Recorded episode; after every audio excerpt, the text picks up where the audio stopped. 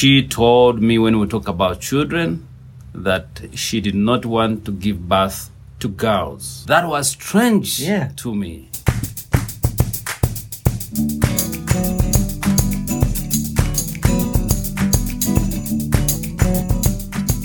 Hey, hello. Welcome at the podcast The Tiltcast. I could not find a more suitable translation for the word Kantelcast. Today, a contribution in English. My friend Harry Grass and his wife Lisette are momentarily in Uganda, working as a volunteer for the NGO Help Her International. They have raised money to support this wonderful program. If you would like to know what it is all about, listen to this 20 minute interview that Harry did with the founder, James Bishiko. Learn about the three women that made a difference and who provoked a tipping point in James's life.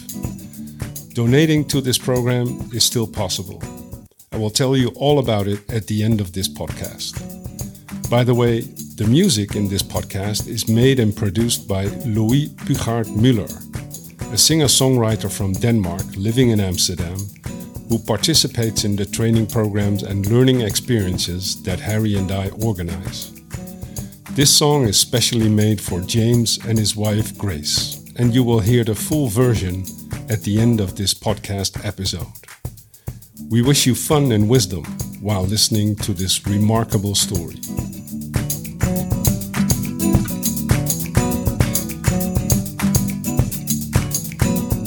Hello, James Bisheko. Do, do I say that Bisheko or Bishiko? Bisheko, that's correct. Okay, we met each other in 2016 in New York, and you were telling about Uganda, uh, about your beautiful country, about the refugees and how you deal with it, and also with other NG- NGOs. And in 2017, you invited me, and we come to your beautiful place in uh, Shireka Hill, and then started actually Help Her International, your NGO. Can you tell me who is James Bisheko? Thank you, uh, Harry. My name is James Bisheko, and actually, my name has a meaning. Bisheko means laughters. Um, and whenever I mention that, people laugh. So, Yeah. uh, how I wish I could just make people laugh and just be happy. Um, I am a product of a woman, and the woman that I'm talking about is presented in three persons. I grew up uh, as a child, um, and I didn't know my father. Um, my mom took care of us, and she passed away when I was when I was six years old. And at that time, it wasn't uh, a very easy life. Uh, she was a single mom. She was struggling uh, with everything to look after us. We were four at that time, and from that time, I I now started facing a little bit of a hard life. And our father was far away from us. They had separated with mom. And, and by the time I met my dad, I was 10 years old. And my dad, too, um, died when I was 13. But I remember what my mother told me that James, I know when you grow up, you'll buy me a cloth. And so I saw how she went through life. And, and that kind of shaped my thinking about life. I was so fortunate that so many other people came in to help me through my education. And so I became more or less like their project. And when I grew up um, at 13, my dad also passes away. And then again, other people kept on helping me. And then I meet my dear wife, Grace, uh, who I know you've met. Yeah, she is really amazing. Sure, Yeah. sure. Uh, and even more is what I want to tell you now. Okay. So, Grace, um, we were together with her at the university, Makerere University. And um, when I started dating her, and then we started talking about uh, the idea of getting married. And thank God she accepted my uh, my proposal. Uh, but one of the things we were discussing was family life, um, having children, and all these things before we we wedded, and I wouldn't want my child to go through. That hit me a little bit hard. But of course, then I, I connect back with my mother and how she suffered with us. And she died um, uh, while struggling and, and all this stuff. So I, I'm more or less like, oh, tell me more why you don't want girls. And then she's like, we grew up. It wasn't a fair world for us. We had to struggle through everything. Nobody respects you as a girl. Uh, even in school, the teachers do not necessarily care about you.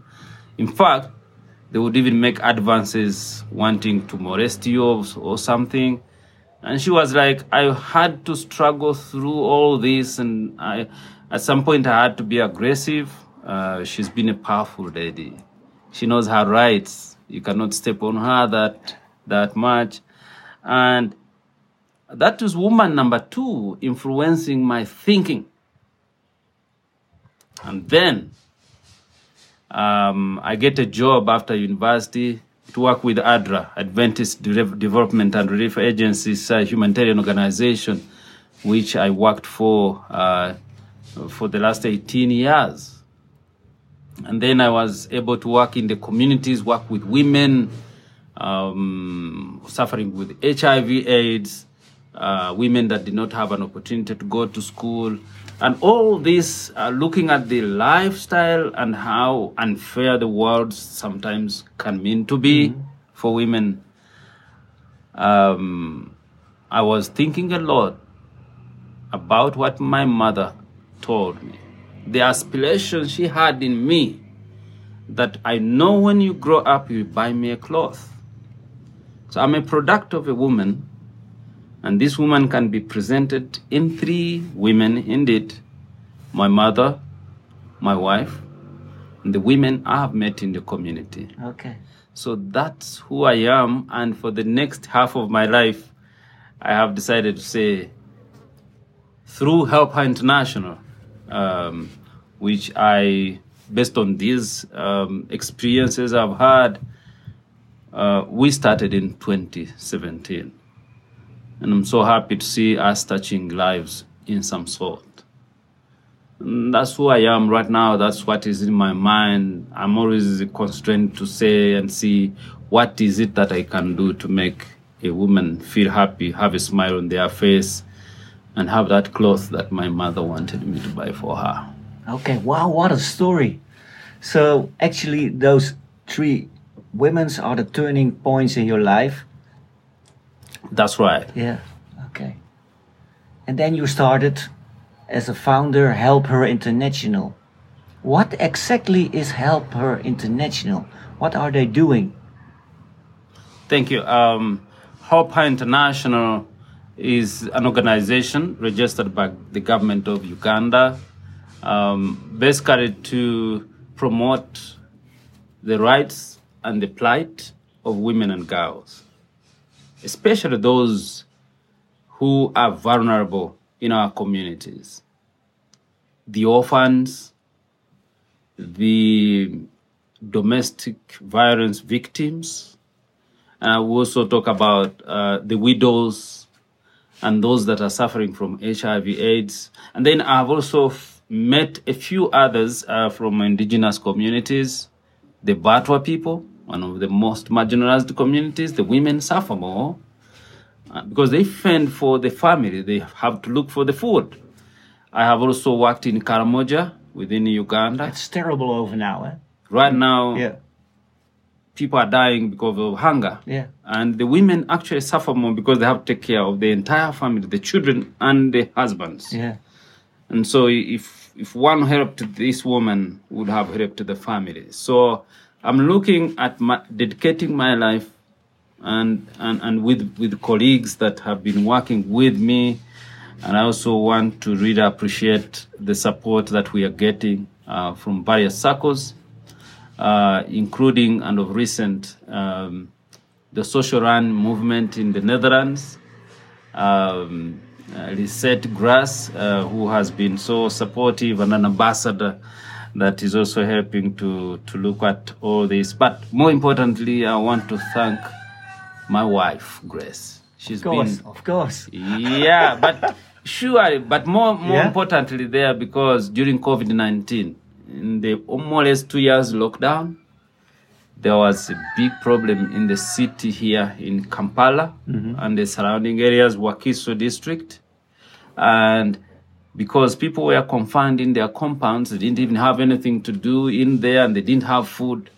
So my wife has been a gardener around our house, as you you you have seen maybe in the pictures, and she started teaching the neighbors on how to use their compounds to grow food and to feed their families and improve their nutrition and improve their immunity against COVID nineteen.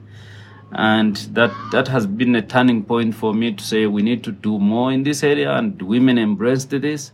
And right now, as I speak, we are expanding this kind of intervention with the rural, urban, poor women um, uh, who are really uh, looking at gardening as a way to reclaim their lives uh, through nutrition and income. And we are targeting 100 households in Wakiso district here in Uganda uh, this year. And it's going well. We want to thank all those people who are supporting us. Okay, that's great. And uh, Lisette and I are a little bit uh, supporting you to make this program happen together with you. And I saw, and we saw it, and we feel it, and we saw it also with our own eyes, uh, the needs of those women. And I'm, I was really surprised, and also Lisette was really surprised about the runaway man. Can you explain what is the runaway man? It looks like, I think, is that a national sport here in Uganda? But that's not true. So I was really, they, you shake up my system. What's happening? Yeah, I think, um, like I said, that the woman carries more. Yeah. Uh, they take care of so much in a household, especially Yeah. in our setup right here. I guess maybe in the whole of Africa, it's more or less the same, where the woman um, is currently shouldering the feeding of the home, of the home, uh, the people, and dressing up the children, uh, making sure that uh, the, the, the, the house is in order. And in some communities, women have been so empowered now. They start uh, uh, saving schemes and they start their small groups, associations, and they save money and, and buy utensils to put in their home. They buy food, they, they dress up the children, and they do so much for the household. And when this is being done, unfortunately, most men have relegated that res- much of this responsibility to the women. More or less, they have run away from their responsibility, and so they are no longer providing that much. And some of them have a, a laxity.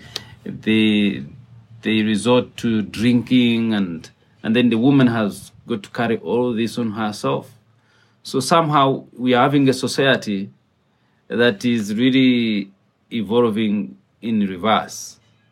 Instead of men taking more roles, they're taking less roles, and women are now finding themselves having to provide for the household. It's a strange thing. But what we are doing with Help Her International, as we work with the woman, we work with the household, we also invite the husbands and the boys to also see what is going on so that they can support the household. They work together because, uh, again, empowering the woman is good, but it's not sustainable. Yeah. Because at the end of the day, actually, some men take the decisions even on what women have produced. Okay. So we have got to do empowerment at the same time. We have got to do advocacy and, and all this stuff. And also, you're thinking, of course, in the first, is it about the vulnerable woman and the girls, but also the, the whole system, the family. Yeah, the household is, is certainly vulnerable, Yeah. especially if if the men are not doing their role. Yeah. Um, the women will do as much as they can, Yeah.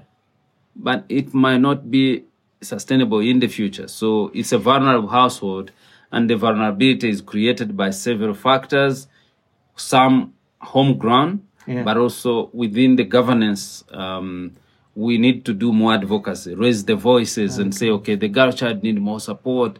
The woman needs access to services, and they would need to have a bet- a voice uh, that is uh, uh, going to be heard. And so, Help Her International is not only about providing; it's also about empowering. Yeah, okay.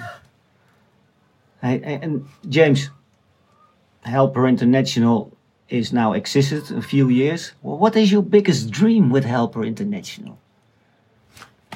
Good question. Yeah, Uh, the biggest dream of Help Her International, looking into the future, yeah, is to to to raise the voice of the woman a little higher than it is right now, yeah, so that the women are in position to take decisions whose results are going to affect their lives. But more importantly, on the other side, is to have the men respond positively. Because we want to work with the men to help the women. And that's the kind of um, reverse thinking that Help Her International has. So, in the next 10 years or so, we would like it to be hard that this world is better if the woman is. okay. Do you have, can you describe a moment of your wife that you say, okay, now she was raising her voice for empowerment. This is a beautiful sentence. Sentence. This is great. I hear it again. Can you can you remember that? That she raises her voices a little bit, and then she, this is a good example. This is the how the ladies. My wife has had uh, shared with me several stories, uh, and I've also witnessed some. Yeah, Uh, the, the, the loudest voice that I have listened to from my wife yeah, yeah, is the courage she has to do everything. Uh, as I have been working away from home for many years because of my humanitarian work, yeah. her loudest voice to me is the strength she has to take on roles that would ideally be considered men's roles. Okay, Many people are hearing that. great. My wife learned how to drive. She has not had a challenge on the road one day. My wife can take care of the household, and there's nothing lacking in this household, even if I'm away for eight months. That's the loudest voice I have listened to. Oh wow, And many women can raise that voice too. that's great. Okay, we almost come at the end. Can can they support you? Eh, Can they donate you? Because also here it's hard life. Uh, after COVID, is it two years lockdown? It's also the schools. So can they donate something or support you or what else? Do you have a website, etc.? Hope International um, was started in 2017. A lot has been done in the background. During COVID, we came to the fore a little bit more because there was now a burden reflecting so much on the woman having to provide food for the household. And so we've come eh, with, with, with this kind of strength. The kind of help that is going to continue to be relevant in this kind of work is to enable us to, to support the women to raise their voices by action and by speech. Can we make them visible? Can we highlight the, the kind of examples of women that can make it in life? But can we also highlight the kind of men that are supporting their women to shine? Okay. And so, the kind of support we are going to continue to, to expect and to hope for is this support that enables us to raise these voices. And in the next five years or so, the dream that I have Yeah. is to paint the picture of this woman who is able to rise against the tides, like my wife. Okay. And I'm looking at myself driving across this country, Uganda, in a truck and meeting women that have made it, speaking to those that must make it.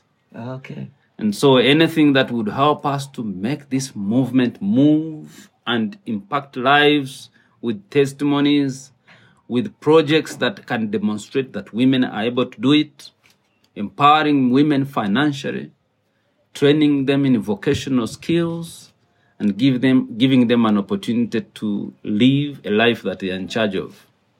That will be more than welcome. I'm looking for a truck which we can use to move around this country and speak to people that must listen and also give a voice to the women that are going to speak out, both in speech and in action. If we touch one woman, praise God. If we touch a thousand, we worship Him more. But I should say, we are not discouraged at all. With support or without support, we will try to do our very best to impact that woman close to us, beginning from home. One, one, one uh, philosopher inspires me, and is a German philosopher, is John Goethe. And he said, if every person cleaned in front of their house, the whole world would be clean. Let us start with the women in our homes and empower them and support them. The world will get better. Okay, wow. Thank you very much, uh, James, for this uh, this podcast, and uh, go on with this amazing good work for the ladies, the women, and the whole households, the system. Thank you very much. Most welcome, sir. Okay.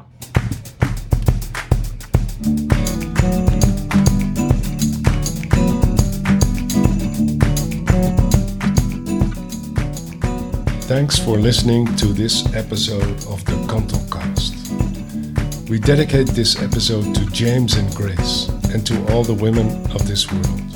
Support them if you have the opportunity to do that.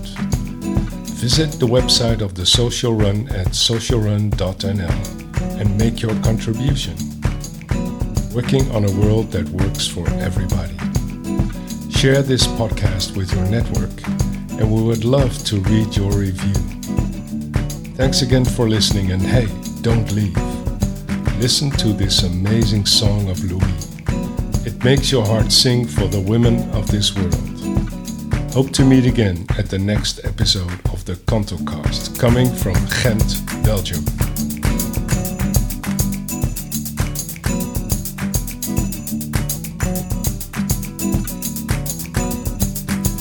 Life again. I know you might be wondering why I can be so inhumane, causing so much suffering. I know it might be little too, a little too late, little too, little too late, little too, driving you insane, little too. So I leave it up to James and Ray